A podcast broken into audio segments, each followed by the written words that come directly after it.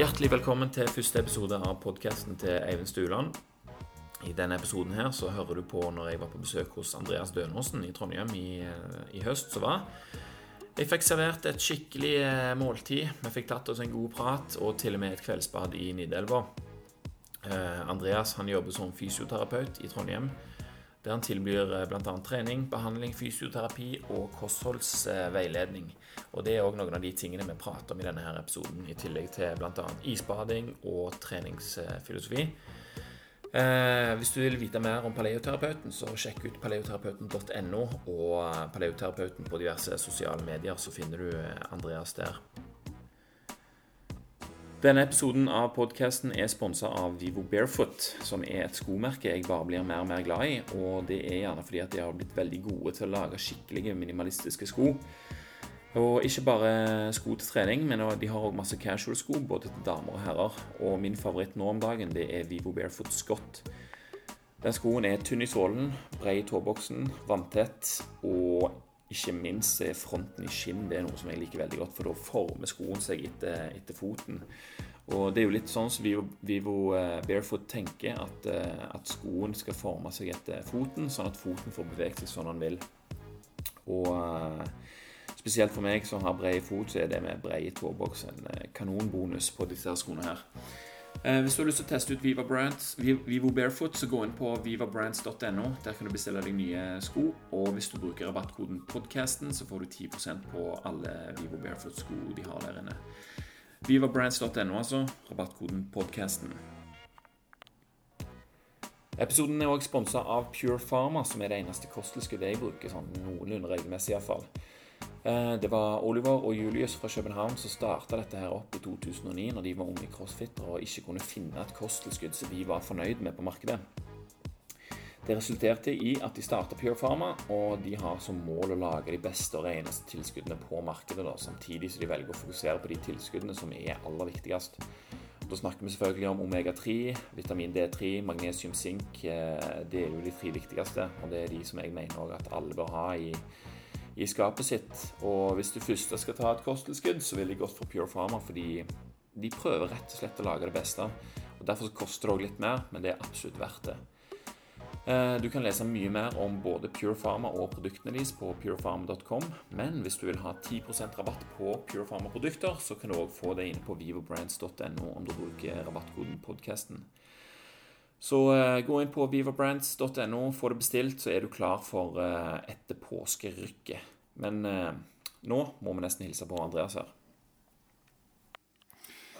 Ja, etter lang tids pause så befinner jeg meg faktisk i hulen til paleoterapeuten i Trondheim. tilfeldigheter har ført til at jeg nå har fått servert andelever, hjemmelaga bacon og grønnkål fra egen kolonihage. Mm. Er det sånn? Ja. ja. Eh, jeg har vært på roadtrip med sønnen min, og vi skal sove her i Trondheim i natt. Så da ble jeg invitert på middag her, og det passer jo veldig bra. Jeg møtte paleoterapeuten. Du kan jo introdusere deg sjøl kort. Ja. Eh, Andreas Stønåsen heter jeg. Eh, paleoterapeuten er eh, firma og delvis et dekknavn. Ja, ja. Eh, et konsept eh, innen fysioterapi, trening og kosthold. Eh, og jeg var da så heldig jeg fikk jobb i, i Trondheim etter jeg var ferdigutdanna som fysioterapeut. Og starta da opp praksisen min der. Så møtte jeg Steinaldermann. ja. Eivind. Vi liker sånne navn. Ja. Så har vi jo Baconkongen alltid på laget, vet du. Ja. du må ha litt sånn superheltnavn. Det, ja. det, det, føles bra. Eh, da blir vi et team. Blir det, vet du. Det, det blir det. Som gjør eh, forhåpentligvis verden til en litt bedre plass. Ja. Ja, vi møttes på høstkonferansen for eh, noen uker siden. Mm. Veldig bra konferanse. For de som ikke, ennå ikke har vært på høstkonferansen, så bør de absolutt ta turen neste gang. Da møter du sånne ja. Kule folk med kule navn. Men uansett, da. Eh, du kom jo bare og sa hei og, og hvem du var, mm. og sånt, og vi begynte å snakke med en gang. Mm. Det, det, er sånn, det digger jeg når jeg treffer sånne folk. Mm. Og da var det liksom helt naturlig å komme innom her et par uker senere på, på besøk. Mm. Eh, og, og, litt sånn eh, spesifikt så sa jeg vel hva som var interessen min for tida. Og det er litt sånn kulde, kuldeopplegg. Hvis det er noen som har hørt om Wim Hoff, han som kaller seg sjøl, eller de kaller han for Iceman. Eh, sjekk ut dokumentaren på Vice eller Discovery, så får du et lite inn, innblikk i det. Men det går på altså å kontrollere kroppen, eh, få han til å slappe mer av i kulde. Og det er fordelene som, eh, som det innebærer. da. Så dette har jeg begynt litt med, og tipsa deg om et par podcaster du burde høre. Har du hørt noe på det, eller? Jeg har hørt uh, både den eh, med Joe Rogan Experience Ja. uh, og Tim Ferris. ja. Og så har jeg også gjort som du har gjort, meldt meg inn i gruppa på Facebook. Det er bud nummer én. Ja. Du må få med deg hva som skjer. inne, i, inne i miljøet. Og jeg har vel egentlig Jeg tror jeg har hørt om, jeg har hørt om The Iceman fra noen sånne Discovery-program tidligere. Ja. Mange år tilbake. Ja, samme her. Og samme da var jo han omtalt som en, eh, som en mutant. Ikke sant? Ja, ja. Han hadde en spesiell eh, Ubermensch. Ja. Han hadde en spesiell Bare eh, forsyne meg litt. Ja, forsyne. Hadde en spesiell eh, evne som ingen andre hadde. Men etter å ha hørt uh, podkasten nå og, og satt meg litt inn i det, så er det jo faktisk sånn at han, han klarer jo å få andre til å gjøre de samme tinga. Ja, det er det som er interessant, og det er det, det som han har bestemt seg for òg, da. Ja. Det er, det er jo nettopp det å bevise alt eh, vitenskapelig. Mm. Og det er jo så konge. Fordi ofte når det er noe sånt uh, woo-greier, Ja. så er det liksom Ja, ja, men eh, liksom, Yes, Ja, yes. Sant? ja, kjempekult det, men Ja. eh, mm, du trenger ikke å si mer enn det. Eh, men derfor er det kult at han har både eh, holdt på med, med professorer og hatt eh, skikkelig vitenskapelige tester på, Mm. på universitetet i Nederland og sånt, der de har bevist disse tingene her. Mm. Fordi eh, en av de mest interessante tingene han har gjort, som egentlig er helt utrolig, eh, uten at jeg skjønner helt hva som foregår, da, er at eh, i et forsøk der på det ene universitetet i Nederland, så injiserte de endotoksiner rett i blodet. Og det er endotoksiner, sånn jeg har forstått det, så er det det eh, immunsystemet reagerer mest på. At da er det full alarmberedskap hvis det er endotoksiner i blodstrømmen. Eh, og vanlige sånn Hva heter det? Vanlige lidelser pga. dette her, det er jo da svette og kvalme og oppkast og diaré og Du blir skikkelig dårlig liksom Ja. etter 20-30 minutter etter du er i gang. Mm. Men eh, Wim Hof, da, med sin, eh, sin pustemetode Ved bare pusta og puste mye, liksom, og, og, og sånt, så klarte han å la være å, få noen sånne virkninger på kroppen i det hele tatt. Ja. Og det var jo det de forskerne syntes var så utrolig, da, at det måtte bare være han som var den fyren som kunne få det til. Men det nekta han å være med på, så han fikk faktisk i stand et nytt forsøk med to grupper personer. Ei gruppe som fikk opptrening av han, og ei gruppe som ikke fikk opptrening. Og så fikk han vel ti dager, men etter fire dager så var de allerede klar. Og alle fra gruppa til Wim Hof de klarte seg bra, mens alle på den andre gruppa ble dritdårlige. da da, da syns jeg at det, da begynner det allerede der å bli verdt å teste ut ganske heftig, altså. Har du testa ut noe, du, eller? Ja, jeg har jo det. Um, sånn i forhold til å utsette seg sjøl for, uh, for kulde Det har jeg alltid syntes har vært uh, interessant. Og ehm, jeg husker tilbake på videregående. Gikk en sånn eh, ehm, allmennfag med idrett.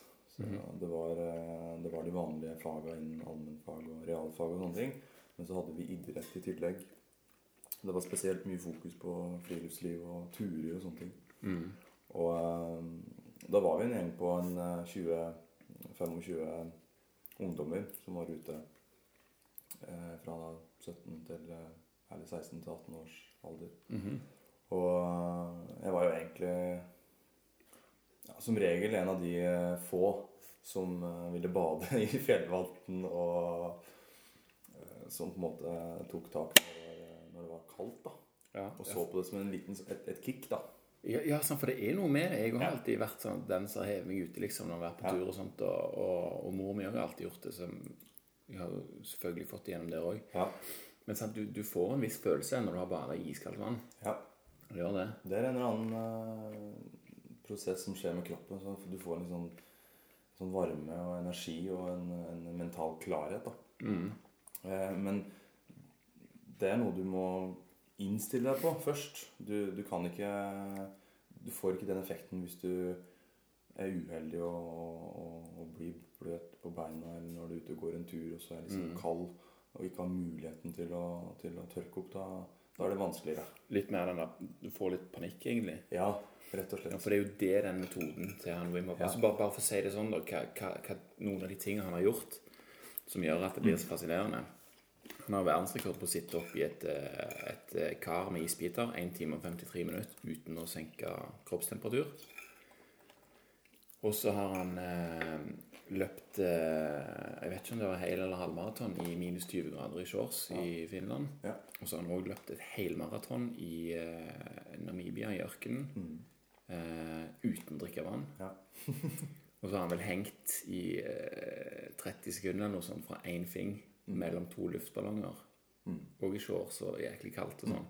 Men det sykeste av alt, det det som er, det som er virkelig liksom Hæ? Han har gått til Mount Everest i shorts. det er sånn det, er for, det er for sykt til at det kan være Ja, sant, liksom.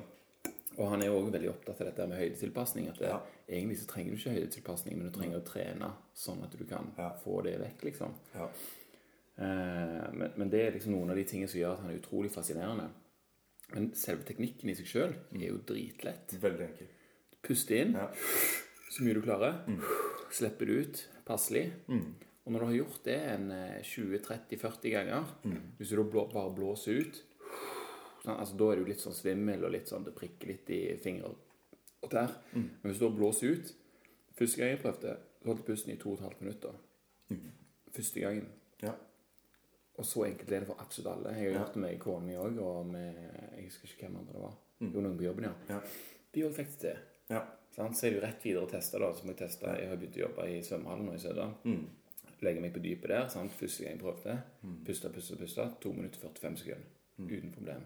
Ja. Og da er det uten luft i lungene. Du har blåst alt ut. sant? Ah. Så, så det viser egentlig bare hvor effektivt det er. Mm. Og rett ut forbi eh, svømmehallen så går det ei elv. Så når jeg er ferdig på jobb, så hopper jeg i badstue, og så går jeg ut i elva etterpå. Og da, da er det sånn at det, fra badstue så puster jeg hele veien.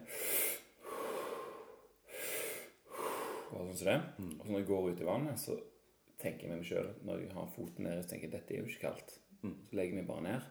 Og hvis jeg kjenner at jeg får den der Ja. så må jeg bare puste helt rolig. Mm. Og fortsette å puste rolig. Og blir det er ikke kaldt. Nei. Du kjenner bare at det stikker og stikker og stikker, men så går det over til en sånn vet ikke, en annen type følelse, liksom. Ja.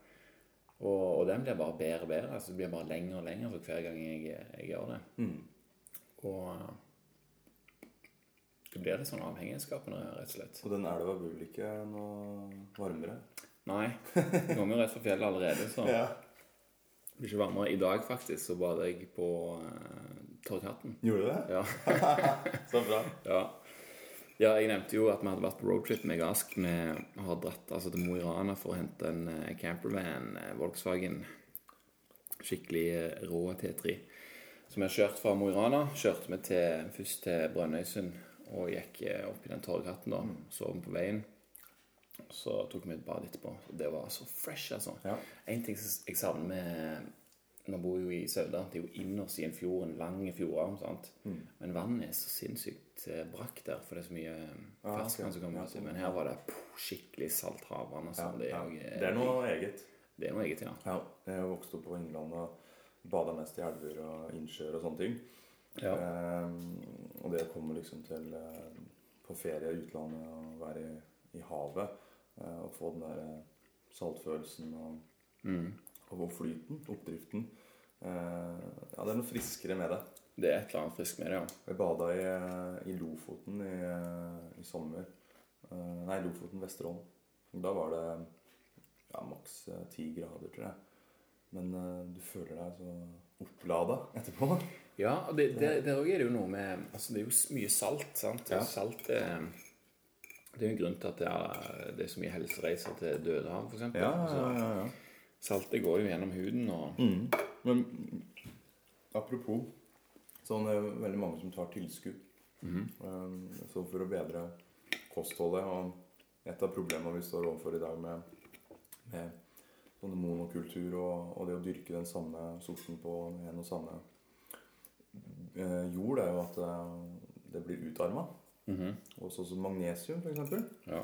som er et livsnødvendig mineral. Ja. Som hjelper immunforsvaret. Eh, hjelper med på hjerne- og hjertefunksjon. Og som også er muskelavslappende. Ja. Eh, det er det jo veldig mange som går rundt og har mangler på. Mm. Det fins kapsler, det fins pulver, eh, forskjellige varianter av tilskudd. Men det er noen som hevder at eh, det beste det er å tilføre det via huden. Mm. Bare det skjer, rett og slett. Jeg vet ikke om du har noe sånt tilskudd du Mm. Jeg jobber jo eh, for Pure Pharma. Der Mm. har de jo magnesiumtilbud Ja. tilbud M3. Ja. Som er et veldig bra tilskudd hvis du ikke har mulighet for å få det i deg noen annen plass. Nei. Jeg vil absolutt uh, Mm. bruke den. Jeg er jo nå bias, Ja, altså ja, ja, ja. 100 det, det er eh, jeg bruker kapsler, ikke eller? Det er kapsler, ja. Ja. Så det er magnesium fra både både jord og stein. Mm. Så det skal være ganske De er veldig nøye på produktene sine. Så, så det skal være ganske bra. Har Men- du prøvd noe eh, spray eller noe Jeg har ikke prøvd noe spray. Den begynner jo å komme litt mer. Mm. Eh, sånn spray som du skal spraye i hendene og under føttene. Er det det? For eksempel. Det kan hente den. Ja. Mens han gjør det, så må jeg bare skryte av den maten her. Det var helt fantastisk. Hva har du gjort med de pærene? Du, de pærene har jeg mm, karamellisert i kokosolje. Mm. Så dette var noe jeg startet opp litt eh, ja, god, god tid i forveien før du kom. da. Så de har liksom stått på litt lav varme med bare kokosolje og kosa seg. Helt nydelig. Ja, det blir godt, da. Ja, det er skamgodt, vet du. Fett, fett og søtt. Fett og søtt, det er ikke feil, det. Pure magnesium oil. Magnesium chloride brine. Mm. Magnesiumklorid er for øvrig det som er den mest opptagelige Eller den, den Ja. som er best her opp, da. Ja. Så her har du en eh, Det er visstnok 100% pure. Så Bare, det bare, bare si det bare kort. Altså På apoteket så selger de òg magnesium, sånn, men Ja. det er veldig ofte magnesiumoksid. Ja. Som er veldig vanskelig for kroppen å ta opp. Det blir jeg vet, ikke- Nå husker jeg ikke på sånne fot, men mellom 10 og 15 som blir tatt opp. Mm. Mens magnesiumklorid er en helt annen liga. Så det er viktig å sjekke. Hvis du skal først, først skal investere i, i noe kosttilskudd, så Mm. er det jo lurt å, å bruke noe som virker. Men her, dette her, ja, er altså en spray. Spray fire-fem ganger på huden og gni det inn. Ja. Og that's it. Mm. Samme hvor? Jeg, jeg tror det er anbefalt å gjøre det på et plass hvor du har litt tynn hud. Ok. Så øh, jeg har fått anbefalt å gjøre det i, sånn i armhulen. Uh, Armhulen, så tar du deg i ja. albuehulen. Albuearmhulen. Nei, armhulen. Al albuehulen. Ja, ja. Men, eh, men også, alle, nei, og armhulen. Eh, Visstnok så er det Det var noe jeg leste i dag, faktisk, i Helsemagasinet. eh, om eh, en ny produsent av deodoranter. Og da brukte han visstnok eh, magnesiumklorid. eh, Mm. Som er samme som er den sprayen. Ja. I den eh, roll-on. Når, når vi først snakker om eh, deodorant, så må jeg bare fortelle om eh, eh, et, et av de siste eh, eksperimentene mine. Jeg, jeg kom over en video fordi det var så mye snakk om dette her eh, syre-base-greiene. Ja. Som han Wim Hoff også snakker om. Ja. For når han puster veldig mye, så sier han at det, da blir kroppen eh, alkaline. Altså, Ja, altså basisk. Ja. og så var det liksom dette her og liksom, Hva er det? Hva betyr det? liksom, og liksom, Er det på cellenivå, eller er det i blod, eller hva er det Mm. her? Men så kom jeg over en film der det var en professor som snakket litt om disse tingene her. Og, og han også sa det, altså, det, det med basis, det er bare tull, fordi kroppen regulerer det sjøl. Altså, altså, hvis, hvis, du vil være- hvis du vil være basisk, enkleste du kan gjøre, det er å hyperventilere. Og hvis du hyperventilerer, så blir kroppen din basisk. Og mest sannsynlig så kommer du til å svime av òg. Det vil si at da tar du ikke inn oksygen, så vil si at det regulerer seg tilbake igjen. Ja. Er du med på tanken? Ja, ja. Men det er jo det Wim Hof gjør, da, kontrollert i, i forhold. Men uansett, det han sa, det var, han snakket masse om syrer og baser. Og en av de tingene han sa, var at eh, egentlig burde vi bare vaske, vaske oss i eh, sitrussyre. ja. Og eh, hvis du vil prøve en deodorant som er billig, og som du aldri kommer til å slutte med Lime. Seriøst? Ta lime under armene. Mm. Det funker som bare juling. Jeg har brukt det nå i to-tre uker. Ja. For jeg, jeg pleier å drikke et glass med lime og salt til frokost. Mm. Litt sånn lunka. Og så da har jeg jo allerede limen der, så er det bare å fyre noen armene. Så bra. Sykt overraska, altså. Ja. Ikke at jeg har stort problem fra før, men eh, altså Ja. sant, hva, hva, hva det skal du bruke, liksom? Når du skal ut blant folk. Og, Ja, ja, ja.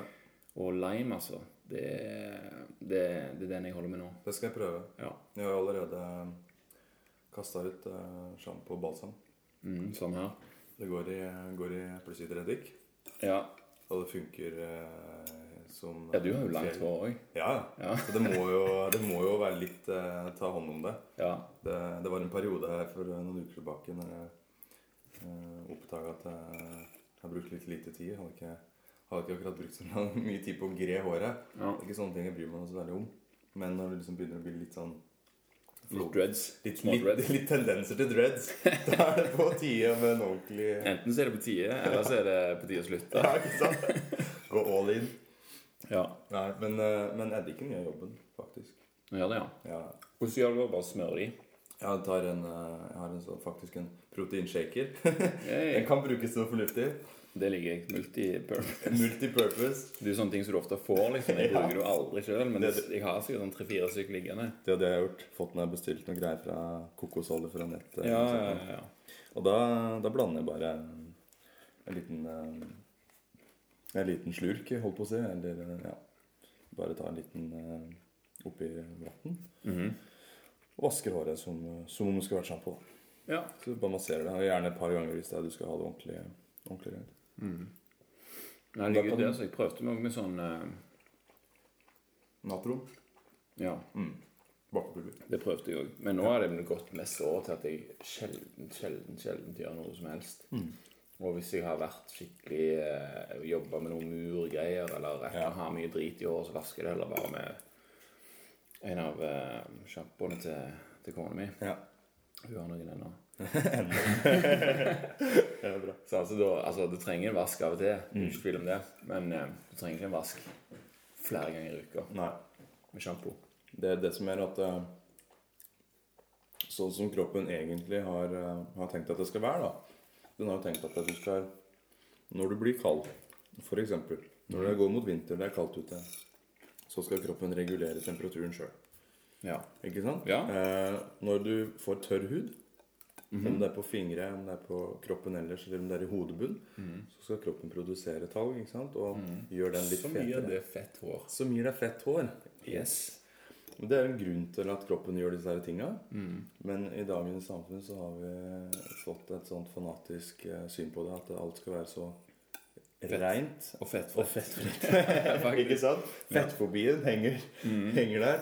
Det er ikke bare innvendig. Det Nei, nei, nei. Alt av fett er negativt. Ehm, til tross for at vi går rundt og sier at 'å, det var fett'. Men det er jo faktisk fett. Ja. Men ikke sant? Og det å bruke da en sånn kjemisk eh, sjampo som da tørker ut hodebunnen til de grader Ikke Fjerne bare alt av talg alt. Ja. Ikke bare én gang om dagen, kanskje to òg, hvis du er på noen treninger og sånt nå. Det, det, det har sin pris. Ja. Og det som skjer nå etter Jeg vet ikke hvor lang tid det tar, om det tar en uke eller to, eller et eller annet sånt, så stabiliserer det seg. Ja, ja. Så, så når jeg dusjer, så bare, altså hvis jeg vasker i ganske varmt vann, så liksom OK Du får jo ut det du skal ha, liksom. Det er jo ikke verre. Det er det jeg håper på skal skje nå med temperaturreguleringa mi. Ja. For nå har jeg prøvd å være litt sparsom med å, å varme opp leiligheten. Og jeg prøver så godt jeg kan å ikke kle meg sånn eh, ja, Hoppe rett i ull eh, så fort det har blitt litt snø ute. ja. Og kanskje bruke tynne votter og gjøre det litt, litt gradvis. Du, du liker sånn sakte pining, du. Altså. jeg vet ikke. Jeg er mer sånn, jeg liker å ha komfort, men så liker jeg å ha liksom sånn korte Ja. eh, klask med virkelig ubehag. Men, men tror du du kan påføre deg sånn eh, ubehag i to uker uten at du går lei eller blir irritert eller eh, frustrert? Jeg vet ikke. Nei. Men jeg gjør jo sånn som deg. Altså Jeg går jo rundt med våte sko i slaps, liksom. Ja. På grunn av at eh, jeg vil ikke ha stive, tørre Jeg vil heller ha våte, vide sko enn eh, tørre, stive sko. Ja, ja. Så da, ja. og så går jeg jo ofte barbeint til, til langt ut på høsten. Mm. Og da, da, da merker du at du blir utrolig godt tilvendt. Altså. Ja, men akkurat det med beina med føtta Ja, det er helt utrolig. Ja, ja, det har jeg kjent på. Ja. Så, så i dag når, Men det er tilpasningsgreiene altså Nå er det noen dager siden jeg har vært i, i svømmehallen og gjort de greiene der. Men jeg tenkte i dag så nå skal jeg bare bade. Så nå er vi her ute med sjøen. liksom. Er ikke friskere vann enn det her. Eh, så hoppet jeg liksom uti, og det var så digg, liksom. Så bare ligger der og plasker litt og vosjer litt i håret og sånt. Og så når jeg skulle gå opp igjen, da, så var det et stykke å gå opp til, til bilen, liksom. Men det går helt greit. Og før i tida, husker jeg når jeg var ute og bada og hadde hatt en sånn, et sånt stup sant? Det var jo bare rett ned i opp igjen og den der sant? Eh, mens nå er det liksom Ja, og da var det sånn at det, varmen kom ikke tilbake liksom før ganske lang tid etterpå, for du har liksom gitt slipp på den der anspente følelsen, da. Mens nå i dag var det bare Det var rett på plass med en gang. liksom. Jeg var ganske kald på føttene, da, for jeg måtte jo gå 500-600 meter i snø etter, at de hadde bane der. Uh, men eh, det var det eneste. Ellers var det helt chill, liksom. Brukte du noen uh, sånn pusteteknikker først? Jeg pusta først, ja. Ja. Telte du òg, eller? Nei. Nei. Nei. Bare sånn Ja, det, det, det har jeg jo Altså Før så Eller første gangen så var det sånn at jeg må ha 20-30, liksom. Ja, ja. Mens nå er det bare fem eller ti eller whatever. liksom Bare noen ganger. Bare sånn at du kjenner at du blir rolig. Ja. Og så at du kjenner at du fremdeles blir rolig i det du Jeg har jo aldri kunnet legge meg nedi. Jeg må hoppe deg. Sant? Sånn at når du hopper, så er avgjørelsen tatt, og da er du ferdig med det, liksom. Jeg kan ikke gå, kunne ikke gå ut i vann, liksom. Da, da var det bare sjølpining. Mens nå er det sånn OK, kjenner jeg først i føttene. Så liksom, dette er jo ikke kaldt. Og så bare legger jeg meg ned, og så har jeg den der pusten din. Og da Ja. er det ikke noe problem. Nei. Det, det er Men den, den følelsen du, kommer, du får når du kommer opp da, etter gjerne tre minutter i veldig, veldig kaldt vann, den er jo helt enorm. Altså, du føler jo at du går en 30-40 cm opp forbi bakken, bare svever bortover, liksom. Ja. Helt der. Ja. Rus, rus, rett og slett. Nå er vi eh, relativt eh, friske eh, begge to og har ikke noen eh, store helseutfordringer. Hvordan ser du at dette her eh, på en måte Føler du deg komfortabel med å oppfordre andre som kanskje sliter med sykdom, overvekt, eh, smerte? Ja, det, det, det, det tar jeg ikke fem flate øre for. Nei. For jeg mener at eh, Det er så mange folk som sier sånn 'Jeg har prøvd alt'. Og så Har du egentlig det? du har ikke det i det hele tatt. Nei. Du har ikke prøvd det som jeg sier nå, for Nei. eksempel. Sant? Altså, jeg mener at det trenger ikke å ligge 50 eller 100 vitenskapelige tester til grunn for at noen skal prøve noe som et eksperiment. Mm. Sant? Det er jo opp til hver en enkelt å, å bestemme seg for. Jeg hiver meg på sånne ting med en gang, og det kan Ja. godt være det gjør noe noe med, med placeboen. Mm. Altså det, det, det nekter jeg ikke for i det hele tatt. Jeg er veldig veldig mottagelig når det er sånne ting som det. Ja. Men eh, at det kan ha virkning på noen andre òg, selvfølgelig. Jeg anbefaler det med en gang. Ingen har vondt av å bade i kaldt vann, sånn jeg ser det. Da er det selvfølgelig en knøttallen liten risiko hvis du er, sliter med hjerte- og kargreier og sånt, men altså Det er så lite at det er, det er ikke verdt å bry seg om. Nei, ikke sant. Jeg tenker litt i forhold til um, det å uh, klare å håndtere stressende situasjoner. For det er det Wim Hoff prater en del om. Ja, At, uh, ja det er det. Når du- Og depresjon. ja, ikke sant? Min, Ja. ikke minst. Det med hormonsystemet, eh, immunforsvaret. Og vi har jo blitt en komfortdyr. Det er ikke tvil om det. Nei, det er ikke tvil om det. Og du ser Vi liksom har ikke hår på kroppen. Nei. Ikke sant? Det skal visstnok ha en del med at vi klarte å temme flammen og kunne ligge inntil en god varme Ja natta. Men, Ja men, men vi har jo blitt komfortdyr, og jeg tenker litt sånn på samme Men flammen er jo en av de største, største grunnene til at vi har blitt Det er jo komfort. Ja, det er det, jo absolutt. Det er jo varme når du har det. Varme og trygghet. Mm. Mattilgjengelighet. Men mm. jeg syns det er artig å se disse her røde trådene. Og sånn som jeg sa til deg når vi møttes på høstkonferansen uh, Paleo for meg har ikke vært noe én nøkkel til Mm. kosthold eller én nøkkel til trening. Det, har- det har vært som å få et helt nøkkelknippe. Ja. Du kan bare ta fram én etter én nøkkel, Ja. og plutselig oppdager du at du har flere. Og det her er jo en ny nøkkel for min Mm. del. Eh, som da går på det der med pusting og stressmestring. Mm. Hvordan du kan eh, øke da effektiviteten til immunforsvaret ditt ved å puste og utsette kroppen for kulde. Ja. Ja. Og alt baserer seg jo da på det der med den reptilhjernen. ikke sant? Ja. Den gamle Ja. Den som vi egentlig ikke har kontroll over. Yes. Sant? Hva det heter autonome Autonome nervesystemet. autonome nervesystemet. Ja. Det betyr jo at det går på auto. Du kontrollerer det ikke. Men det er jo det Wim har forklart. Han har klart å kontrollere det. Ja. Og han klarer å kontrollere det. Og han kan lære andre det òg. Ja. Når som helst. Og han har jo sånne retreats i Polen og sånt, og jeg kan jo ikke si noe annet enn at det, har jeg lyst til å være med på.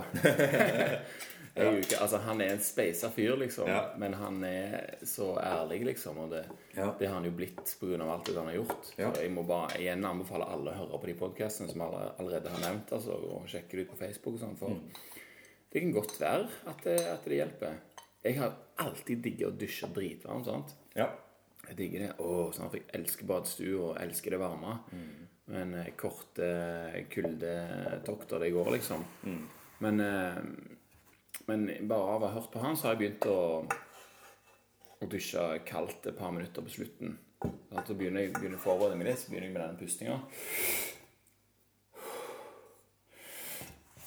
Helt inn, og så bare slipper du ut sånn naturlig. Helt til du kjenner du blir litt svimmel. Yep. Og så er det bare Skru over. Ja. dritkaldt. Ja. Og så fortsetter den pustinga. Ja. Men, men det, den pustinga det var mest et sånn symbol, tror jeg, i begynnelsen Mm. på at jeg faktisk gjorde det. For nå etter hvert så trenger jeg ikke det lenger. Jeg bare slapper av, liksom. Jeg er blitt vant med den følelsen. Eh, og nå når jeg skal, skal dusje, så er det jo Jeg går rett på liksom 30 grader. Istedenfor før så begynte jeg alltid på 38. Og så tok jeg det varmere og varmere og varmere, varmere, og varmere liksom, helt til jeg eh, var helt sånn badstuefølelse. Og ah, deilig dusj, liksom. Men jeg blir så sliten av det. Eller jeg blir så slapp av det. Så nå når jeg har det kulde kalde på slutten der, så er det jo helt konge. Altså, så bruker jeg liksom det doggen, doggen på vinduet nå som en sånn indikator på hvor lenge jeg har stått cirka. Ja. Så når doggen er gått helt vekk, da er det sånn OK, ferdig. Nå er ferdig. Men har du brukt dette her eh, med kalddusj, og badstue i forbindelse med trening tidligere? For det er nå gjerne mange har hørt at eh, hvis du trener skikkelig hardt, eh, så kan det være fordelaktig å, å, å sitte i badstue for å så kanskje dusje kaldt eller Ja. isbad eller noe sånt for, for bedre restitusjon. Jeg har aldri gjort det pga. noen sånne ting, men jeg har alltid Eller ikke alltid, ikke hver eneste gang, men så lenge jeg kan huske at jeg har trent, så har jeg alltid likt å ta et badstue. Ja. Eh, etter trening eller før trening eller før jobb eller hva tid som helst, liksom. Men det blir jo ofte til at du gjør det etter trening. Fordi du går og trener, og så er det balse der, så ok, du gjør det etterpå. Så det har jeg alltid likt uansett. Uh, men det har ikke vært noe sånt bevisst. Men jeg har jo selvfølgelig alltid likt når jeg hører sånn Ja, det er bra for musklene ditt, du har trent. Ja. Sitte i badstue. Kjempegreier. Er sånn, OK, konge. da har jeg den liksom inne i tilfelle. Uh, så det har ikke vært sånn bevisst i den forstand. Men nå er det jo det. Eh, for jeg hørte òg en podkast på, på John, Ro uh, John Rogan, ja. Joe Rogan med Ronda Patrick, som er en sånn lege som er der ganske Ja. ofte. Hun har veldig god peiling. Og det som hun snakket om, det var kuldesjokkproteiner og varmesjokkproteiner. Oh. Det var sykt interessant. Det var da jeg egentlig begynte med det. Så kom Wim Hof og bare vippa meg helt av pinnen. og det som hun sa da, var at, eh, at eh, en viss aldersgruppe så var det, det, var, det var mange tusen menn som hadde vært med i denne eh, studien. Og hvis du tok badstue én til to ganger i uka, så hadde du 25% mindre sjanse for sånn all course mortality. Altså hjerte, kreft, alle de tingene der som er sånn som folk dør av, liksom. 25% mindre sjanse enn de som ikke gjorde det. Hvis du tok badstue fem ganger i uka, så hadde du 40 mindre sjanse for å få sånne typer sykdommer. Oi. Og da Og så og så i tillegg så forklarer jo alt dette her da på Ja, et sånt, eh, sånt nivå med hormoner og inn og ut og endotoksiner og bla, bla, bla. Mm. Så det, det er mye greier der. Men jeg, jeg tror jeg har hørt den episoden fire-fem ganger, bare sånn at jeg vet at jeg forstår det sjøl. Jeg har ennå ikke forstått det så godt at jeg klarer å, å gjenfortelle det så bra. Nei. Men for min egen del så har jeg iallfall forstått det, og da begynte jeg skikkelig å å liksom, Ok, jeg må komme meg i badstue, rett og slett. Ja. eh, så drastisk gikk jeg til skritt at jeg fikk en jobb i, i Saudahallen for å ha tilgang. Bra. Må legge til rette. Ja, du må legge til rette for hvordan du vil ha det. Sånn, så, ja, så det har jo ordnet seg kjempebra. Men det er bare varme vi snakker om nå? Eh, Det er begge deler, sa du. Fordi det er varmesjokkproteiner. Ja. Det var badstue. Ja. Men så er det òg noe som heter kuldesjokkproteiner, som, som blir produsert under den her stressgreia Ja. som kroppen opplever når det er, når det er liksom Ja. ekstremiteter på, på ferde. Ja. Og det er det som da gjør at eh, At du åh, Er det noe igjen Er noen hormoner og noen greier der som blir produsert som jeg ikke husker navnet på nå? Men det er litt det samme som eh, adrenalin og noradrenalin og Noradrenalin Ja, ja. er det. Og noraepinefrin. epifin. Ja, stemmer. Ja. Det er det som produseres Ja. når du kjører kulde og varme. Ja, og det er jo det vi må få prater om, at det, du setter kroppen din enten ved å puste Ja. og holde pusten mm. til et punkt hvor kroppen går inn i en sånn overlevelsesmekanisme. ja. Og du produserer da disse her eh, hormonene adrenalin, Yes. noradrenalin, norepifrin. Mm. Eh, Og dette her så å si utsletter, eh, sånn jeg har forstått det, Ja. eh, betennelse. Ja. Så det er jo en quick fix uten sidestykke. ja. Eh, sant? Altså Om det utsletter, utsletter, men i alle fall Mm. så, så sørger det for oss å eh, liksom bekjempe mye betennelse. Og Det er mye folk sliter med. Absolutt. Altså Det er det som er hoved, liksom, Ja. som gjør at de har masse andre plager. Ja. Så det er liksom det som vekter meg litt, at det her har vi funnet kanskje nøkkelen til noe sånn Akkurat som med paleo, når jeg hørte den det første gang. Eller paleo, vet ikke hva jeg skal kalle det. Men eh, det var liksom Her har vi nøkkelen til en massevis av greier som vi kan fikse på en enkel måte, liksom. Uten noe særlig Ja, bivirkninger. ja nettopp. Det eneste bivirkningen er at det, det funker ikke. Ja.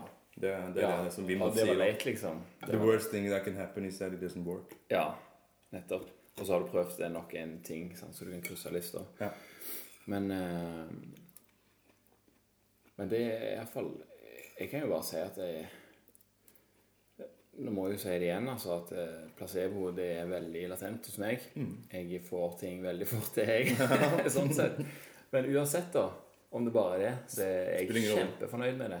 Fordi den følelsen du får etter å ha tatt en iskald dusj eller har ligget i elva i tre minutter, Ja. den er helt fantastisk, altså. Ja. Uansett. Vil du at jeg skal legge inn en ny kubbe i ovnen? Ja, så jeg ikke fryser litt.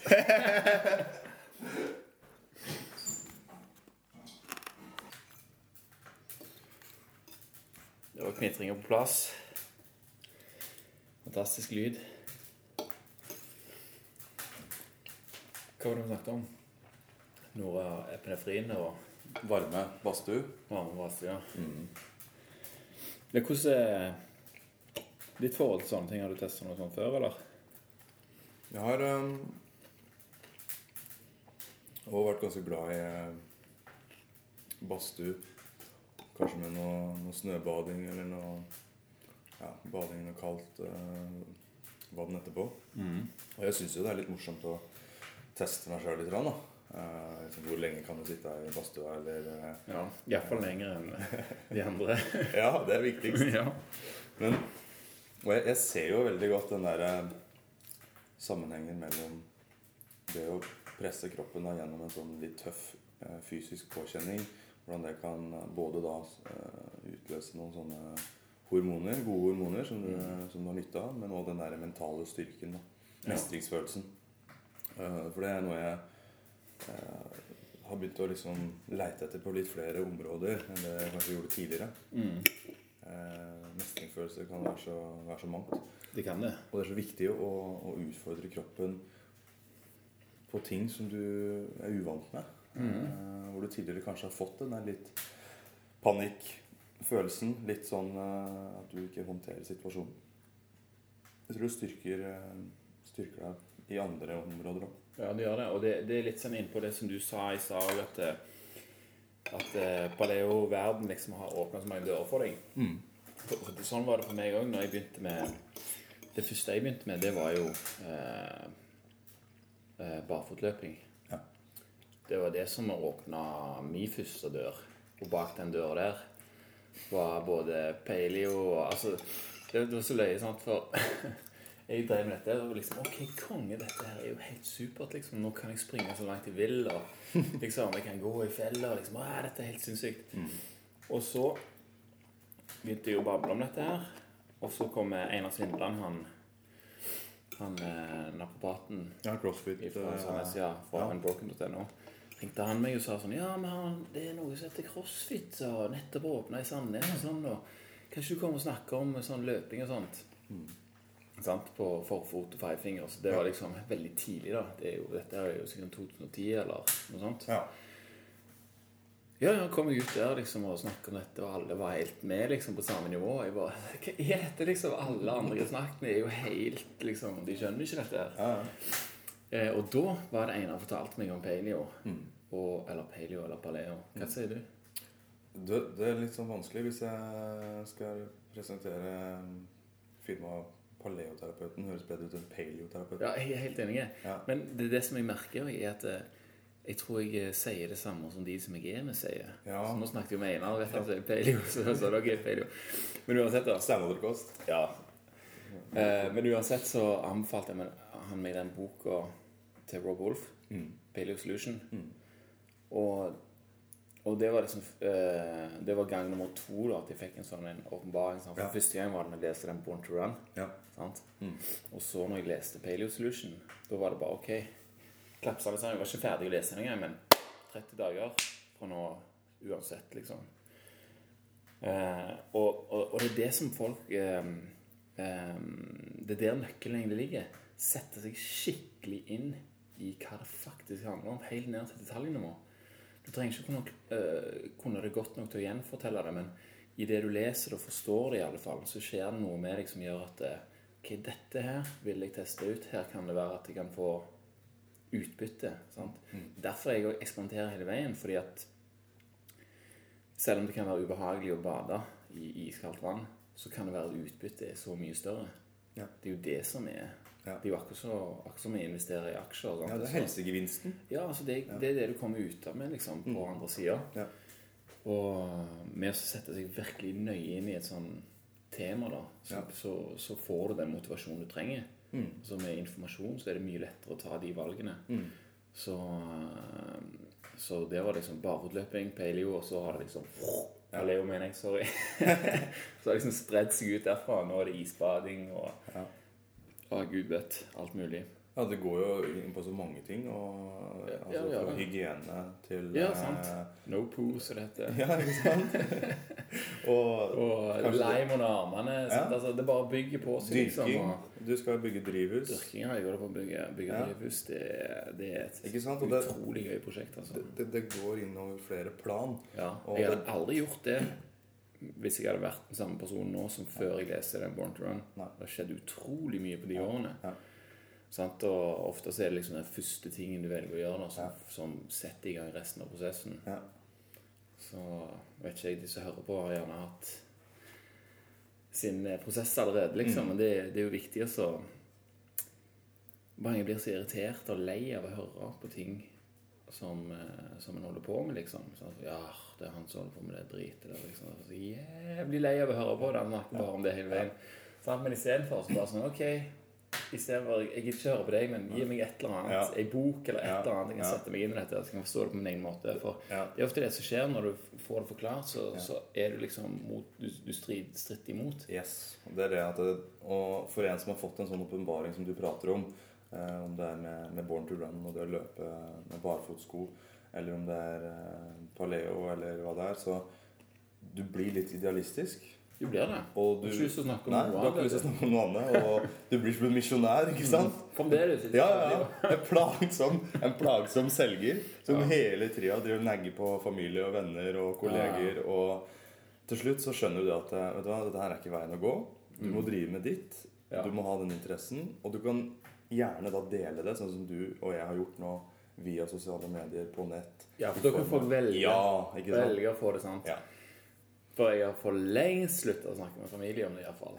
Det, det er long gone. Ja. Men jeg ser jo det at ting skjer når jeg Altså, det har gått inn, liksom, men kanskje har de hørt det fra en annen vinkel, og så Ja. er det liksom Nei, faen, det var det han sa, ja. Ja, Men det er av og til sånn. Ja, men det, det spiller ingen rolle, det. Det spiller ingen rolle det, så lenge det skjer noe, iallfall. Ja.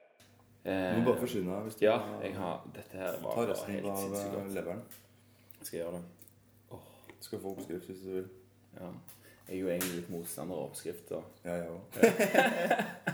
Men jeg sier alltid det samme. Jeg, ja, ja, det må være oppskrift. Liksom. Ja, det er ikke ikke, er noen oppskrift. Jeg har ikke oppskrift på Det er bare ta det som du har, og så være sånn OK.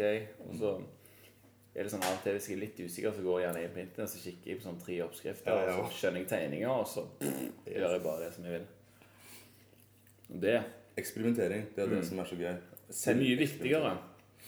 Altså, skritt nummer én det er å gå og kjøpe en sånn ingrediens som du ikke har lagd før. Som f.eks. en andelever. sant? Mm. Kjøp det.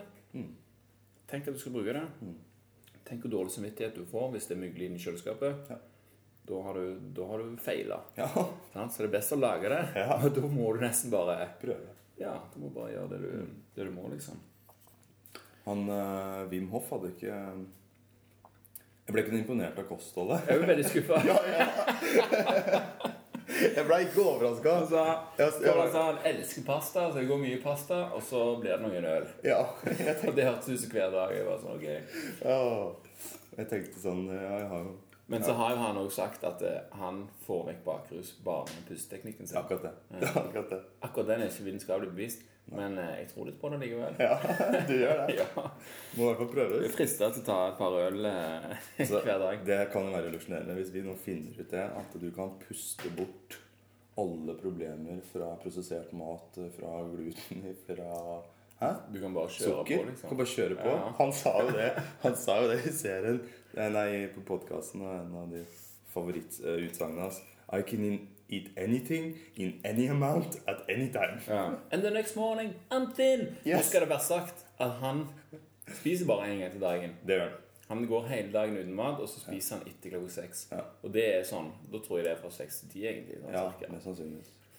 Så det er jo litt periodisk faste, da. Det, det, er jo, ikke litt periodisk Det er Det er jo periodisk Ja. 100 sånn, Så der har du jo Ja. Der har du jo allerede nøkkelen der. Ja. For de som vet litt om periodisk faste, så er det jo Mm. Det går jo på mye av de tingene. Men uh, uten, helt uten å prøve på det, så har jeg faktisk uh, Blir det Wim Hof, liksom? Jeg spiser ingenting nå. Bare spiser på kvelden og sånn. Nei, ja. Jo, jo, jo. Det bare skjer av seg sjøl. Jeg har ikke noe valg lenger. Men uh, det funker dødsbra. Ja. Herregud, så bra det funker. Jeg har så mye energi i løpet av dagen. Ja. Og så Altså, jeg drikker jo Hvis jeg, hvis jeg skal ta sånn periodisk faste, Ja. så tar jeg meg alltid en skikkelig kaffe med masse fett i. Bulletproof. Ja, Ja. sant? tar jeg den på morgenen av, og så, og så blir du alltid sulten sånn i ett, to, liksom tre tider sånn. Men da istedenfor å spise et, et fullt måltid, så tar jeg bare en sånn Pust. minisnei. Pust, ja. Skulle ønske det. Skulle ønske det. Det har jeg ikke prøvd ennå. Kan godt være det virker. Men en sånn liten snack, liksom sånn en ostebit eller en neve mandler eller Ja. ei shabba med kefir eller et, et eller annet sånt, sånn at det er ikke så mye, liksom. Bare sånn at den sulten forsvinner. Så er energien der med en gang igjen. Mm. Ja, ja. Sånn, Så holder jeg bare på, holder på, spesielt når jeg holder på med det drivhuset, så har jeg gjort sånn. Helt sånn. Og så kommer jeg inn og spiser på kvelden, liksom. Da spiser jeg ganske mye, da. Ja. Men det funker jo dødsbra. Litt sånn warrior diet, er det egentlig. Ja, det er det kanskje. Ja. Jeg har ikke helt uh, Nei, det er vel en sånn eh, Tar resten, jeg. Ja, du, ta resten. Du, du spiser jo bare ett måltid om dagen, og du skal jo ja. Stemmer det. Klokka er seks. opp, opp tidlig i morgen og kjøre, kjøre videre nedover. Ja. Nei, Warrior Diet, da, da har du en uh, Bare litt sånn småsnacking, tror jeg. Litt sånn småspising utover uh, formiddagen. Og så har du ett stort måltid når uh, sola har gått ned. Ja, faen, det høres faktisk akkurat ut som det jeg har praktisert i det siste. Men eh, det kan jeg bare si, ja, at det funker jo dødsbra. Ja. Men eh, nå lever ikke jeg noe vanlig liv med 8-4-jobb og sånn som det, så det er jo litt, har jo litt med det å gjøre. Du har ikke vurdert noe, noe, drikke noe kraft eller noe te eller noe, noe Jo da, sånne ting på dagen? Jo da. Altså, en kopp med kraft er jo helt ypperlig. Ja. Altså, Så, det kan godt være også en sånn snack istedenfor eh, en av de andre tingene som jeg sa. Det er uten tvil. Ja. Og hvis den er varm i tillegg, så er jo det Mm. veldig greit. Mm. Det er noe med å få noen varme varme tingene i kroppen i løpet av dagen. Det, det gjør noe, altså tåler bedre kulde og alt mulig da, Ja. et- etterpå. Skal visstnok være det som er enklest å fordøye òg. Ja. Slippe å varme det opp Ja. sjøl først, liksom. Ja. Det, mm, Mer effektivt. ja. For jeg drikker alltid lunka vann om morgenen. Mm. Men det skjedde av seg sjøl. At jeg begynte Du leste en studie fra Asia, du. Med, Aha. Var det ikke noen asiatere som hadde en studie på det? Jeg vet ikke, men jeg, jeg leser iallfall at ok, du må drikke vann om morgenen. For ja, et glass. drakk vann om morgenen, Ja. men det var så jækla kaldt, vet du. Midt på vinteren der. Det er jo iskaldt. Mm. Så får du kaldt i ganen og liksom uh. Ja. Så da begynte jeg å ha det stående på benken. Satte det klart kvelden før. Så var det romtemperert istedenfor. Ah, Mm. det funker. Da gled det rett ned. Ja. Og så ble det dritkaldt på kjøkkenet. så ble det overkaldt. Så, ble, så begynte jeg bare å hive litt, eh, litt eh, vann fra vannkokeren. Eh, når jeg skulle lage kaffe, liksom. Heiv litt oppi. Eller med sitron eller med salt eller noe sånt? Eller bare Det begynte jo med bare vann, Ja. så har jeg hevet oppi salt Oppgradert? etter hvert. ja. Ja. Og så har lime kommet etter hvert. Ah, okay. Så nå er det salt og lime. Mm. Og så, ja, og så nå når det er sånn forkjølelsessesong og sånt, vi har jo unger i barnehage og alt Mm. mulig, så jeg prøver jo alle triks. Sier ikke at noe av dette hjelper, men det kan jo være. Eh, litt sunt er det uansett, men da hiver jeg inn på et par feil med hvitløk, og så downer jeg det med det limevannet med salt. Ja. Da føler jeg at jeg får en sånn Åssen er, er ånden når du kommer til barnehagen da? Ja, det spiller ingen rolle. Så det tenker jeg veldig lite på. Jeg har en kompis som eh, ja, ja, Vi prata om han skulle ha en date, og så sa han at eh, han skulle lage noe med hvitløk. Så sa jeg er du sikker på at du skal gjøre det? da? Mm. Jeg får besøk av en jente. Ja, men hvis ikke hun liker hvitløk, så vil jeg ikke ha. Ja, ja, ja greit det. Godt poeng. Men du sier jo at eh, kruspersille Ja, er bra å spise. ja ok. Hvis du virkelig liksom Ok, da trenger jeg ikke stinke hvitløk. Ja, Liksom, ok, skal jeg sånn, ja. møte eller et eller annet. Kruspersille Ja. skal være bra. Ja. Ikke teste det sjøl. Ikke fått det verifisert på noen måte, men det er verdt å prøve da hvis noen absolutt Ja. eh, er i nød. Så kan det jo være. Men eh, jeg tenker på hvis du har dette her eh, gående med å drikke en, en fett kaffe til frokost, eh, kanskje noe kraft eh, en gang i løpet av dagen eller noe, noe mandag eller noe sånt nå, før du da spiser en større middag til kvelds. Sånn rent eh, energimessig og kalorier og Trener du noe tungt eller Um, regelmessig samtidig? jeg trener vel ikke regelmessig. Nei. Det gjør jeg ikke i det hele tatt. Det trenes når det føles for. Mm. egentlig. Uh, og da er det gjerne tungt. Uh, litt sånn annenhver tungt og intenst, Mm. egentlig. Ja. Og så regner jeg ikke sånn tur i skogen og sånn, sånn type trening, sånn balansetrening, sånn regner jeg ikke som en sånn trening. i- Altså trening, da er det sånn ok, nå gjør jeg noe som jeg begynner på, så blir jeg ferdig med det. Mm. For at jeg skal gjøre akkurat det. Ja. Sånn, altså det blir jo sånn type crossfit-trening, da. At du gjør noe En Økt. en økt, rett og slett, ja. En økt. Det var ordet. Men eh, sånn Det er jo ikke tvil om at eh, å holde balansen oppå takstolene og mens du legger presenning liksom oppå drivhus og sånne ting Altså når du holder på med sånne ting Jeg, jeg var gjennomsvett. Ja. Sant? Og skikkelig fått en god eh, magetrening og alt sånt. Men det er ikke, det er ikke trening, liksom. Nei. Men en økt i ny og ne, det blir det. Mm. Men det er fullstendig uregelmessig. Ja. Jeg klarer ikke å Eller det kommer helt an på hva jeg holder på med, egentlig. Hvis jeg har nok ting å holde på med, så blir det ikke tid til trening. Nei. Og de tingene jeg holder på med, er mest sannsynlig eh, det som du hadde gjort eh, Eller hvordan skal jeg formulere det? Folk trener fordi de ikke gjør sånne ting. Ja. Ikke sant? Det er en erstatning Ja. for eh, hverdagslig aktivitet og bevegelse.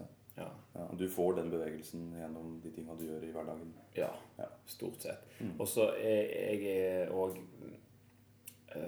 Jeg liker egentlig ikke økter. Jeg liker livsstil. Mm. Sant? Så alltid når jeg har hatt eh, folk som jeg trener og sånne ting, så prøver jeg også å gi dem sånne småtips hele veien om hva, hva de kan gjøre. Altså Det er garantert at folk går i trapper sant? i løpet av dagen. Når de skal gå i trappene, så skal de tenke på hvor kneposisjonen og hofta og ryggen er når de går i trappa. Så kan det ha gi store eh, Altså eh, framskritt i forhold til løpeteknikk. Sant vel? Mm. At du legger inn sånne ting. Når jeg koker kaffe, eh, kaffevann, så står jeg kanskje på hendene. Ja. Så har jeg en, en sånn en lacrosseball liggende. Så hiver jeg den på gulvet, så står jeg og masserer under foten på den. Mm. Sant? Og går jeg Jeg har kosteskaft stående rundt omkring. Mm. I garasjen og på terrassen og nede i uthuset og sånne plasser som vi vanligvis er. Da er det veldig greit å ta den skulderdrillen sånn over og Ja. få beveget skuldrene og sånne ting. Og så prøve å sitte mye i, i dyp knebøy, altså squat.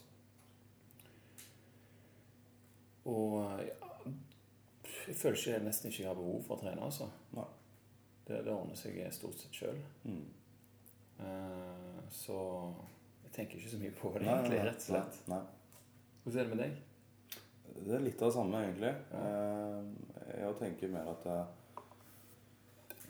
det kan være greit iblant hvis du har eh, hatt en periode hvor det har vært for lite aktivitet, og du ikke har hatt noen prosjekter, og Mm. Du ikke har holdt på da får du lyst, sant? Ja, da, da, da, da kjenner du liksom at det kribler litt i beina, og du, du får litt lyst til å, utfordre kroppen litt med noe. Mm. Eh, og da bruker jeg som regel å kjøre eh, kortere, mer intensive økter.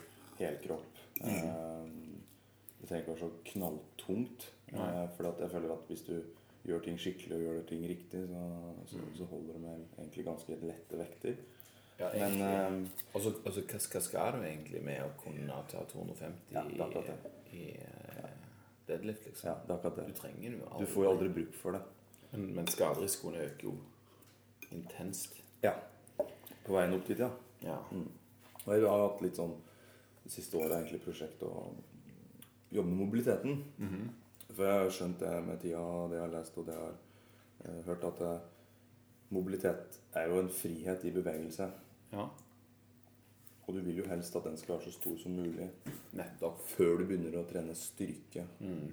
Mm. i mobilitet. Ja. Men du har det. Og det tror jeg mange som eh, som Mange som ønsker å begynne rett og Ja. altså, jeg, jeg var jo trener på CrossFit Haugesund før. Mm. Og det, det, det som er mest irriterende, er når folk kommer inn, og så skal de snatche. Eksempel, Mm. sånn som de andre har gjort, i ei økt. Og så har jeg ikke hatt introkurs engang. Men de sier nei, nei, kom an, kom an, liksom. Jeg er jo Ser du, liksom. Ja. Da spyr jeg nesten, altså. Ja. For det viser seg jo i økta ganske kjapt. Ja. Hvis det ikke stemmer det de har sagt, liksom. ja. For du, du Altså Du må ha bevegeligheten inne før du skal gjøre en- øvelse. Iallfall hvis du skal gjøre den 45 ganger i løpet av 10 minutter. Mm. Eh, så det, det er så sinnssykt mye tull rundt omkring altså, med det der at eh, folk skjønner ikke at de må ta seg god tid med å gjøre ting. Ja. Og det er det som gir den store gevinsten. Yes. Og det samme kan jeg si om sånn window of gains, eh, som det heter. sant? Altså, du har trent beinhardt, ok, da må jeg spise ditt og datt innenfor de ti minuttene. Istedenfor at og, og hvorfor skal du det, da? Sant? Vanligvis er det jo fordi at du skal ha gains for akkurat den økta. Fordi du skal bli stor og sterk liksom, her og nå. Men hva har det å si liksom, med livet ditt? Det har jo nesten ingenting å si. Det er jo en sånn ego-opplegg, egentlig. Eller det spørs jo hva mål du har, og sånt, og mange kan jo selvfølgelig Så jeg sier ikke at det er noe dumt gjort å ha noe mål, og sånt som det, men jeg prøver heller å tenke litt lenger, liksom. Altså, Tenk deg hva, hvordan kroppen tilpasser seg hvis du har gått en hel formiddag uten å spise. Tar du en beinhard treningsøkt, og så spiser du fremdeles ikke på fire timer. Da lager du helt andre prosesser i kroppen som sørger for at eh, kanskje du lever lenger, faktisk, istedenfor at du blir sterkere nå. Det har jo fint lite å si, egentlig. Ja. Jeg har merket at jeg begynte å forberede meg for alderdommen allerede når jeg var 30 år. Nå er jeg 31 og jeg er godt i gang med forberedelsene. Men det er litt mer sånn jeg tenker, da. Jeg vet ikke om det har med at eh, jeg har fått- unger eller whatever. Men, eh, men sånn tenker jeg iallfall mye mer, da. Og det er jækla digg, egentlig. Så fokuset er mer helse og vitalitet. Ja. Eh, Du ønsker å ha det bra, leve bra og leve lenge. Ja, og styrke Altså, det spiller ikke Altså, jeg er over sitt sterk uansett når jeg gjør de tingene jeg som jeg gjør. Mm. Og det er jo mer enn nok, det. Mm. Altså Ja. Jeg har ikke tenkt, lyst til å bli noen sånn mester i et eller annet. Men jeg, eller utenom det å være mester i å kunne bevege kroppen i alle forskjellige mulige ting, liksom. Så hvis du, desto mer du spesialiserer deg, desto smalere blir du. sant? Ja. Det var det han uh, Ido Portal Ja. sa på, på sånn seminar i, i Sverige. Var det det? Ja, fortell, helt, fortell. Helt fantastisk. Fortell. Ja, litt av en Fra start til slutt. ja, Kom med all infoen. Nei, men altså, Det er jo en, eh, en mann som har satt i gang en hel bevegelse innen eh, Bevegelse? Ikke sant? Ja, ja, det jo det. En, eller kultur innen bevegelse. Eller bevegelighetsbevegelsen. Og han er jo da en tilhenger av generalisering eh, mot spesialisering. Ja, nettopp. Og mener jo det at det, skal du være komplett, eh, komplett beveger, så er du nødt til å, å treffe på alle de eh, forskjellige områdene. da. Som mobilitet, som styrke, utholdenhet, kontroll, koordinasjon, pust, fokus, mentalitet osv. Mhm. Og mye av det han snakka om, det var at eh, Hva skal du egentlig med en perfekt knebøyteknikk? Mhm. Hvor du har knær over tær, du har den samme vinkelen i ankelen som i, Ja. i ryggen, og du, du, du, du er per definisjon perfekt mm. når, i hverdagen. Når ble det handy? Ja, ikke sant? Når, når får du bruk for det i hverdagen? Ja. Eh, og det var som han sa, han hadde en fin sitat som, som, jeg, som jeg likte veldig godt. Han sa at eh, mobilitet og fleksibilitet er to forskjellige ting. Fleksibilitet er noe du kan oppnå over tid når du jobber med det der og da. Og du liksom kan sitte i en yogatime og strekke deg litt til og litt til og litt til, og med pust og med fokus så kommer du dit. Mobilitet er noe du har tilgjengelig overalt hele tida. Mm. I want you to be able to wake up in the morning and go into a freezer and kick someone in the head. ok. Altså, Ja. det skal være der hele tida. ja. Uten at du trenger å varme opp, liksom. Yes, og- du trenger ikke å forberede noe spesielt. Du er bare sånn. Ja, Og når du skal løfte, som han nevnte, som jeg likte veldig godt da, Han nevnte liksom du har vært på jakt og du skal løfte et, et, hjortedyr eller et eller annet, bære det ut av skogen. Da kan du ikke noe- stå der med Det Nei, hvor er oljeskoene Ja. mine, liksom, og wrist wraps og Ja. sant? proteinshake. Ja, sant? Vent litt. Dette er litt ubalanse her. Ikke sant? Da må du løfte kaotiske, uregelmessige former i et miljø som er uforutsigbart. Så det handler om det. Prepare for the unprepared. Ja. Derfor jeg alltid har likt å ha hatt, eh, hatt sånne sånn tømmerstokker sånt liggende rundt omkring i de Ja. områdene der jeg pleier å være ute i skauen. Ja. For da, tar du de med deg. Og én ting er at den, den stokken er relativt uregelmessig, men iallfall terrenget er det. Mm. Sant? Så da, da får du den der inn. Det hadde jeg, jeg husker jeg hadde en utetrening i Haugesund. Det var så chill altså, hver tirsdag. Fra halv tolv til ett eller noe sånt. Eller Det var alltid sånn halvannet til to timer. Så møtte vi opp en gjeng der, så sprang vi rundt omkring og fant vi et velta tre, så klatra vi på det. og Tøft.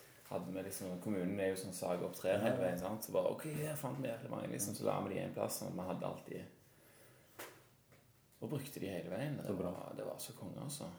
Movenet. Rett og slett Movenet var det. Ja, ja. Rett og slett. altså. Jeg er jo level 2-sertifisert Movenet-instruktør. Er det? Ja. Ah, tøft. ja. Åssen eh, går det til? Er det noe over nettet? Uh, nei, det er, det, det er sånn som vanlig, holdt jeg på å si. Du møter opp på et kurs og går gjennom ditt og datt og bla, bla, bla. Mm. Men Movnet, når, når jeg så det første gang, så var det sånn Hæ?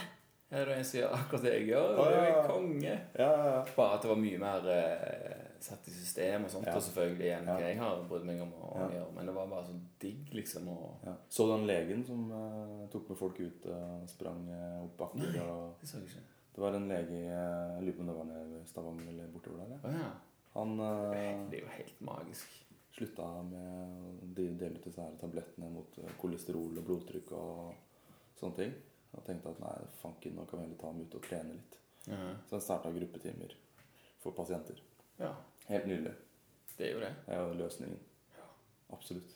Ja, men det, det er liksom det vi trenger mer av. Litt flere sånn altså, jeg, sier ikke at alle trenger å være sånn, men at det tilbudet er der iallfall for de som ønsker å bruke det. For det blir flere og flere.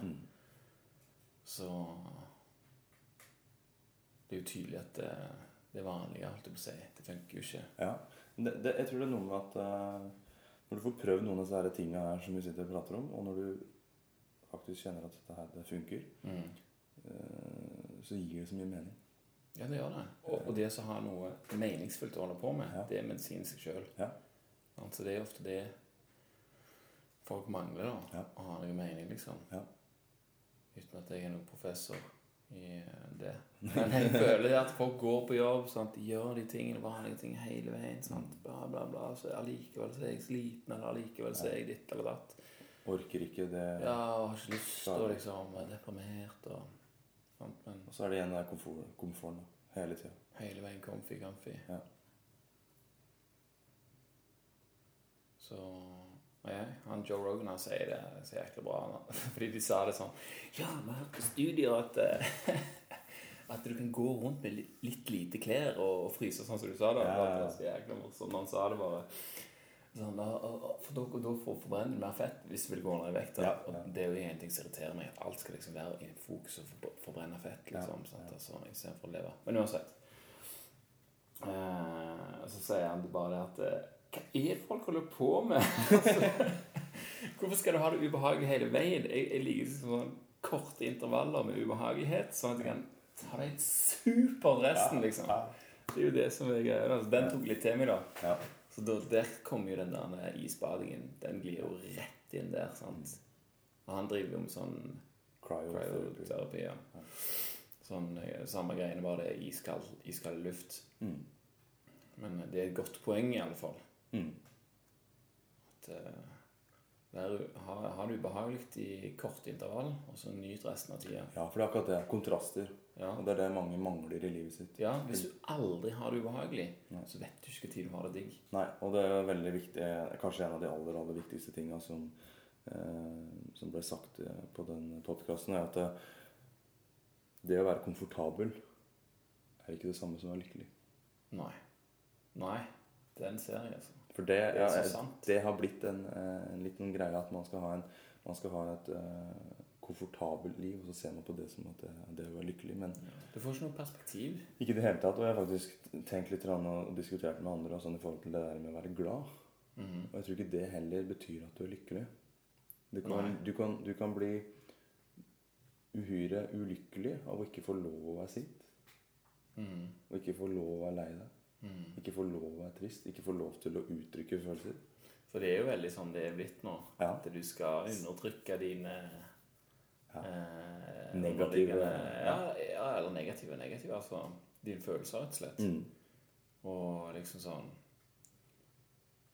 Ikke bare i forhold til jobb og sånne ting, men i forhold til å være f.eks. mann. sant? Altså, og det, sånn, det var veldig sånn typisk manneting av deg å gjøre. liksom sånn, 'Å, skal ikke du gjøre det da fra nå av?' liksom. sant? Men så er det allikevel noe som kommer sånn helt automatisk, så Ja, du får ja. lyst til å utagere, liksom. Ja. Det, det var et godt poeng. altså. Det har jeg Ja. ikke tenkt på på den måten før. Jeg, tror, jeg, tror, jeg tror det er mange som, som blir ulykkelige av å ikke få lov til å uttrykke de følelsene de har til enhver tid. Og spille ut da, på Ja. det reg- registeret som vi har, blitt, uh, som vi har da. Ja, For du merker jo ofte når du møter sånne superhappy folk som er så jækla glad og hyggelige, liksom. Da er det litt ja, For noen vibber, ja. ja, Det er for noe som ikke stemmer. det er det. Og, og jeg tror liksom at det, det, det er ikke, absolutt ikke bra å ha, være trist og være lei seg og frustrert og sint mye over tid. Mm. Eh, For det vil jo til slutt eh, gå utover helsa di og gjøre deg ulykkelig. Men den der kontrasten, Mm. balansen, Som variasjonen. variasjon Hele veien varierer. Ja. Det det, det er det jeg eh, Så har vært nøkkelen for at jeg For at jeg skal ha det konge mesteparten av tida, liksom. Ja. For hvis jeg holder på med én ting for lenge, så Gå lei og Ja, altså jeg må ha en litt sånn ny utfordring eller ny et eller annet nytt å holde på med hele veien. Mm. Da, da er jeg jækla fornøyd, liksom. Jeg liker Mm. den startfasen i ting. mm. Det syns jeg er sinnssykt Ja. Så Det var jo det med han eh, Med han eh, Wim Hoff òg, at han Han hadde det jo virkelig ikke bra. Han, mm. han var jo deprimert. Mm. Eh, og Ja, det han- var kona som døde. Ja. tok selvmord, faktisk. ja, ikke sant? Så det er jo noe, noe Han har jo han har en bakgrunn, han òg. Ja, ja, ja. Så de som hører på, forstår at dette her er ikke en mann som bare eh, splitter pine gæren og liksom bare finner på å Mm. være, være en bajas. Ja, Han måtte finne på noe rett og slett for å Ja. bli bedre. For å takle det. Mm. Og det er hans måte å takle det på, og det er jo helt briljant at det har kunnet har da leda til så mye forskning og så mange gjennombrudd. Ja. Og han har da funnet ut at det du kan positivt påvirke immunforsvaret, Mm. hormonsystemet, mental styrke og faktisk klare ting som vi tidligere trodde ikke var mulig. Mm. Det, det er tøft. Og det som er kult, er at han har gjort det i så mange år. Ja. Men han sa det så fint òg på På det ene da Tim tror jeg. Sånn ah, I was always the black sheep of the family. Og så husker jeg ikke helt hva det var, men jeg tror det gikk litt tid. Så ble det sånn But now I'm the whitest sheep of them all! ja, det, det gir liksom veldig sånn håp da for de særhetene som eh, dukker opp. liksom at det, Ok, da, om, om kanskje 20 år så liksom er vi innafor likevel. Ja. For det er ingen som går med det, er ingen som har sjampo lenger. Ja, som eh, sant? for det er jo av og til så tenker du sånn Hva er det jeg holder på med for noe piss, liksom? Dette er jo Folk ser rart på meg, liksom, og mm. dette er helt på trynet. Mm. Men uh, plutselig så viser det seg at uh, Vi hadde rett. Ja. Eller hadde rett og hadde rett, men i alle fall Det funker. Ja. Og det, det, det jeg tenker med sånn nå i første omgang, da, er at, uh, er at eh, hvis det funker for meg, så er det mer enn godt nok. Ja. Rett og slett. Så Det er ikke elv i nærheten her, vel? Mm? Det er ikke elv i nærheten her. Uh, jo. Absolutt. Rett ned bakken. Frister jo litt, da. Det hadde vært uh... Skal vi gå ned og ta et uh, kveldsbad? Gjerne. Kan vi, ja? Ja, gjør det. Ja, kan? Jeg har dessert, da. Hæ? Vil du ikke ha dessert? Søtpotet. Dessert? Jo, det kan vi godt ha. Litt søtpotet. Ta dessert, og så tar vi et nattbad. Den er grei. Ok.